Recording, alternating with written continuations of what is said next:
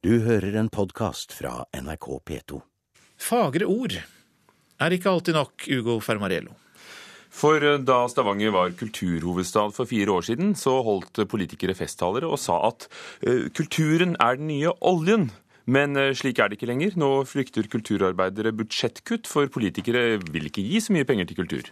For fire år etter at Stavanger var europeisk kulturhovedstad og politiske festtaler om kultur som den nye oljen, er det altså ikke lenger like stor vilje til å satse på kultur i Stavanger-området. Riktignok er det nye konserthuset bygget, men andre kultursatsinger er utsatt Sprekkeveien som er helt gjennomgående. Daglig leder ved Tau scene, Per Arne Alstad, viser fram forfallet. Det er nå fire år siden kommunen kjøpte bryggerilokalene for å lage kulturfabrikk for kunstnere og musikere i Stavanger øst. Murpussen datt ned, det samler seg opp. Er det derfor dere ble så sinte og sto og demonstrerte forbi rådhuset forleden? Ja, litt sånn, vi fikk en sånn oppgitthetsfølelse. Kjøpet av Tau skjedde på tampen av kulturhovedstadsåret i 2008, da det var hallelujastemning og kultur skulle være den nye oljen. Dette er slutten på Stavanger 2008, men det er òg begynnelsen på en ny æra av kultur. Nå er det nye koster og nye økonomiske tider. Det er høl rett gjennom eh, gulvet. I fjor bestemte politikerne at deler av anlegget skal legges ut for salg. Atelierfellesskapet blir mindre enn planlagt. Og både grafisk verksted og øvingsrom for band er skjøvet langt fram i tid. Hvis fleste har fått med seg, så er øvingslokalsituasjonen i byen helt kritisk. Kulturfolket protesterte høylytt utenfor rådhuset i Stavanger nylig, da den borgerlige flertallsalliansen tok 13 millioner kroner som skulle gå til oppussing av det gamle konserthuset, men unnlot å gi pengene til nye tau eller annen kultur. Den viljen på en måte som en hadde til virkelig å satse på kultur, ikke like sterkt til stede. Det sier Randi Øglen. Hun sluttet i år som leder for samtidskunstsenteret Kino Kino i Sandnes. Det politiske flertallet, med Ap og Frp i spissen, vil slå senteret sammen med Kulturhuset og få en mer kommersiell drift. Kommunens støtte vil bli redusert med 900 000 kroner i året fra 2015. Det er vel litt sånn kultur er ikke noe vi må ha, men noe som er kjekt å ha. Randi Øglen, som var med på å skrive søknaden fra Stavanger og Sandnes om å bli europeisk kulturhovedstad, beskriver et politisk klimaskifte rundt satsing på kultur. Nei, altså forskjellen er at Den gangen var det en veldig felles satsing fra alle politikerne. Dette var jo et samarbeid mellom Sandnes, Stavanger og fylket. Og det er klart at når alle står sammen og vil noe, så skjer det òg noe.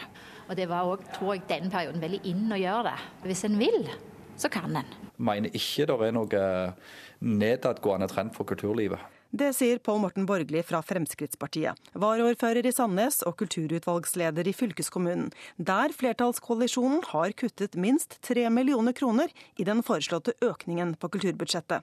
Blant annet blir et kompetansesenter for musikk utsatt for å gi ungdom billigere busskort. Ja, men det er mye god kultur i eh, å ha rimelige transportløsninger for ungdom òg, hvis de skal ut og oppleve kulturen. Og ting henger litt i sammen. Vi er en av de kommunene i Norge som bruker aller mest. Når vi fortsetter på det nivået, nivået, så mener jeg det blir helt feil å ikke kalle det for en satsing. Det sier Sissel Knutsen Hegdal fra Høyre, leder for kommunalstyret for kultur i Stavanger. Vi har ikke redusert budsjettet med ei eneste krone i forhold til drift.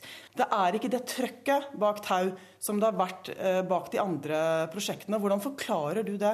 Eh, Stavanger kommune har en veldig spesiell situasjon med at vi har et knappest mulig flertall. Det er klart at det forklarer mye. Hvis det var sånn at Høyre fikk lov å legge fram budsjett der vi sa våre kampsaker, der vi ønsker, så vil nok det budsjettet se litt annerledes ut. Sa Sissel Knutsen Hegdal fra Høyre i Stavanger, og reporter var Anette Johansen Espeland. Filmregissør Morten Tyldum trekker seg som regissør for filmen han skulle lage om Tordenskjold, sammen med produsentene bak Max Manus-filmen. Det skriver Dagsavisen.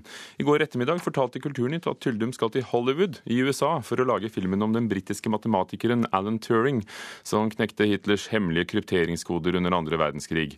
Og det lar seg tydeligvis ikke kombinere med filmen om den norske, eller var det danske, krigshelten, så nå må produsentene finne en ny regissør og søke støtte til filmen om Tordenskjold igjen en gang til. Fremskrittspartiet i bydel Gamle Oslo bryter med synet til eh, Oslo Frp og går inn for Tøyen som alternativ plassering for det nye Munch-museet. Det kan bety at det blir flertall for Tøyen i Oslo dersom Frp ikke får gjennomslag for å legge museet til Tullinløkka i det gamle Nasjonalgalleriet.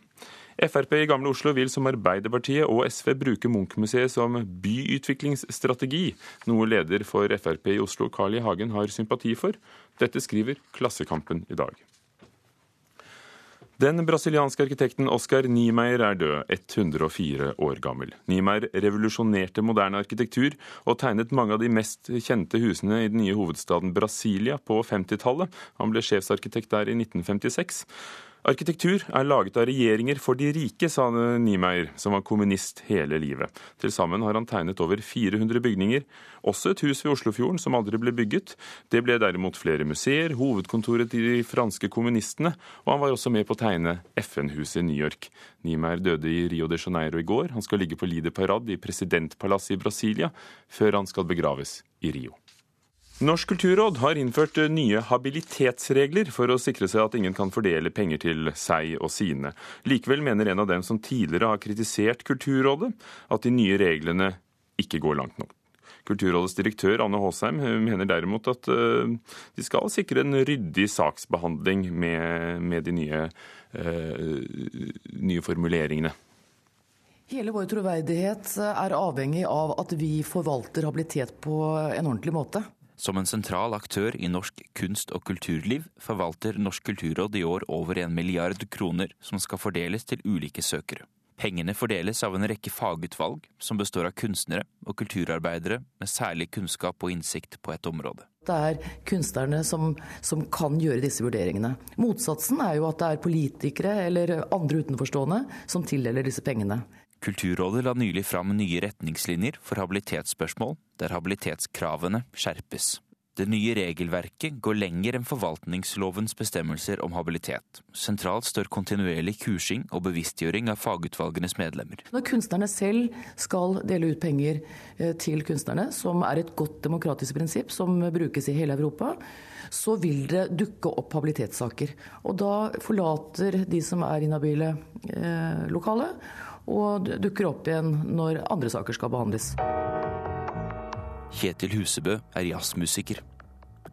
Han har tidligere kritisert Kulturrådets fagutvalg med ansvar for musikkinnkjøpsordningen for inhabilitet. Musikkinnkjøpsordningen er nå nedlagt, men Husebø fastholder at å la inhabile utvalgsmedlemmer gå på gangen mens saker som vedgår dem behandles, ikke er nok. Problemet er snarere at disse sitter i utvalgene i det hele tatt. Kulturrådet er da organisert med sikte på å legge til rette for rollekombinasjoner, sier de selv. Men eh, selv så mener jeg at eh, utvalgene bør bestå av personer som ikke har tydelige eller skjulte økonomiske interesser eh, eller dobbeltroller. Det finnes vel nok personer som har solid kunnskap om eh, norsk kunst eller norsk musikk f.eks., eh, som ikke representerer artister, plateselskaper, bookingbyråer eller festivaler. Professor i rettsvitenskap ved Universitetet i Bergen og ekspert på forvaltningsrett Jan Fridtjof Bernt sier at habilitetsspørsmål kan være ekstra vanskelige i små land med små fagmiljøer.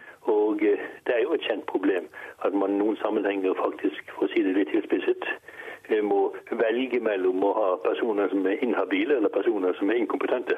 Men så galt kan jeg vel ikke tro at det skulle være på dette området. Habilitetsspørsmål handler ikke bare om det rent juridiske, mener Bernt. Noe av dette kan løses ved bevisste grep, mens andre ting, som at utvalgsmedlemmer bygger opp en innsidekunnskap som de igjen kan anvende i egne søknader, er vanskeligere å ta tak i. Andre man kan gjøre, som man noen grad, noen grad har gjort, er jo også rett og slett å innhente personer som er sakkyndige fra naboland. Ved å hente inn utvalgsmedlemmer utenifra åpner man også for en sunnere, mer kritisk diskusjon, mener Bernt. Det er klart at Alle små miljøer er jo veldig utsatt for en, en form for eh, vi, om ikke inhabilitet, så iallfall en form for bekjentskap hvor man kan bruke uttrykket kamaleri, eller man kan bruke, uttrykket at man eh, har en en kultur som gjør at man betrakter noe som bra og noe som dårlig, og ikke alltid får de kritiske motforestillingene inn som man burde. Anne Aasheim og Norsk kulturråd mener på sin side at det viktigste er å holde bevisstheten om temaet oppe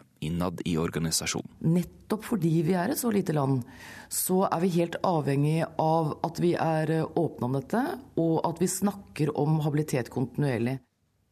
Sa Anne Aasheim i Kulturrådet til vår reporter Andreas Lindvåg.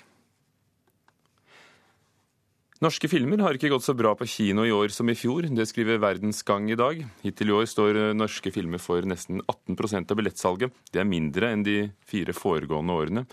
De tre filmene som har solgt veldig bra, er Kon-Tiki med 878 000 besøkende. 'Reisen til julestjernen' har foreløpig blitt sett av 288 000, mens Tine og Bettina har solgt 188 000 billetter. Og nærmest etter dette kommer Kompani Orheim, der 78 000 billetter er blitt løst. Det er en slags mellomsesong eller ventetid på kinoene. Tilhengerne venter på 'Hobbiten', en uventet reise. Den har premiere til uken. Andre venter på ti nye og spennende premierefilmer, men de kommer først i romjulen. Så denne uken er tilbudet magert, sier vår anmelder Einar Gullvåg Staalesen, og han finner i hvert fall ikke mye trøst i premierefilmen 'Tilbake i spill' med Clint Eastwood i hovedrollen. Her er Tilbake i spill. They're going to find that out sooner or later. They're worried about Billy Clark. Don't worry about Billy. He can hit. John Goodman spiller den mest fascinerende birollen. Clint Eastwood spiller hovedrollen. Det hjelper ikke. Eastwood spiller en aldrende mann som knapt kan se, men som like fullt har i behold de sansene som skal til for å vurdere baseball. Han er talentspeider i den idretten. He's rounding third. He's going to try to make it all the way home. Hovedproblemet er at filmen er mer preget av alderdom enn Eastwood. Den er frisk i fargene og oppegående teknisk, men innholdsmessig og dramaturgisk er den akterutseilt. Spillet er som på 70-tallet, både for gammel og ung. Altså for tydelig og for stort i følelsene. Og historien kunne gjerne vært fortalt på 80-tallet. Den er den velkjente heroiske vrien på fortellingen om han som blir oppdaget og han som oppdager, der alt skjer mot alle odds, og ved at den siste skal bli den første. Crap, Jimmy. Absolute crap. Det må være en blandet fornøyelse for Clint Eastwood å spille rollen nærmest som en slags æresrunde i sitt 83. år. Han har selvfølgelig bedre enn de fleste kunnet se at alle innsatsene i dette prosjektet er sekunderklasse.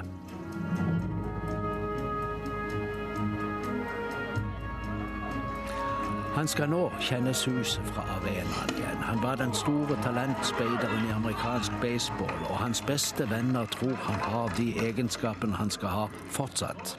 Hvis ikke er dette hans siste jobb. Det kan tenkes at noen i kulissene vil overprøve hans vurderinger. Det er så banalt. De unge ler av de gamle, men så følger vi en typisk amerikansk vei frem til den som ler sist og best. Det handler om ungt overmot og gammel klokskap. Det handler egentlig om tre forhold. Det ene er alderdommen til Clint Eastwoods rollefigur. Eastwood overdriver symptomene ganske kraftig. I tillegg rulles det ut en ganske sentimental historie om far som sviktet sin datter fordi han trodde hun ville få det bedre hos en onkel og tante. Eller fordi han selv syntes det var enklere å gjøre suksess på sine områder hvis han ikke hadde henne på slep. I denne filmen handler det om forsoning på det området også, altså mellom far og datter. I tillegg kan det tenkes at datteren kan falle for en av pappas yngre kolleger. Det er mer enn vi kan bære. Nei, Hennar Gullvåg Staalesen hadde sett tilbake i spill. Det blir flere kinopremierer i Mørkets opplevelser i P2 klokken 19. Men der har han også et intervju med den finske regissøren Aki Kaurismaki. Mørkets opplevelser klokken 19. Du har hørt en podkast fra NRK P2.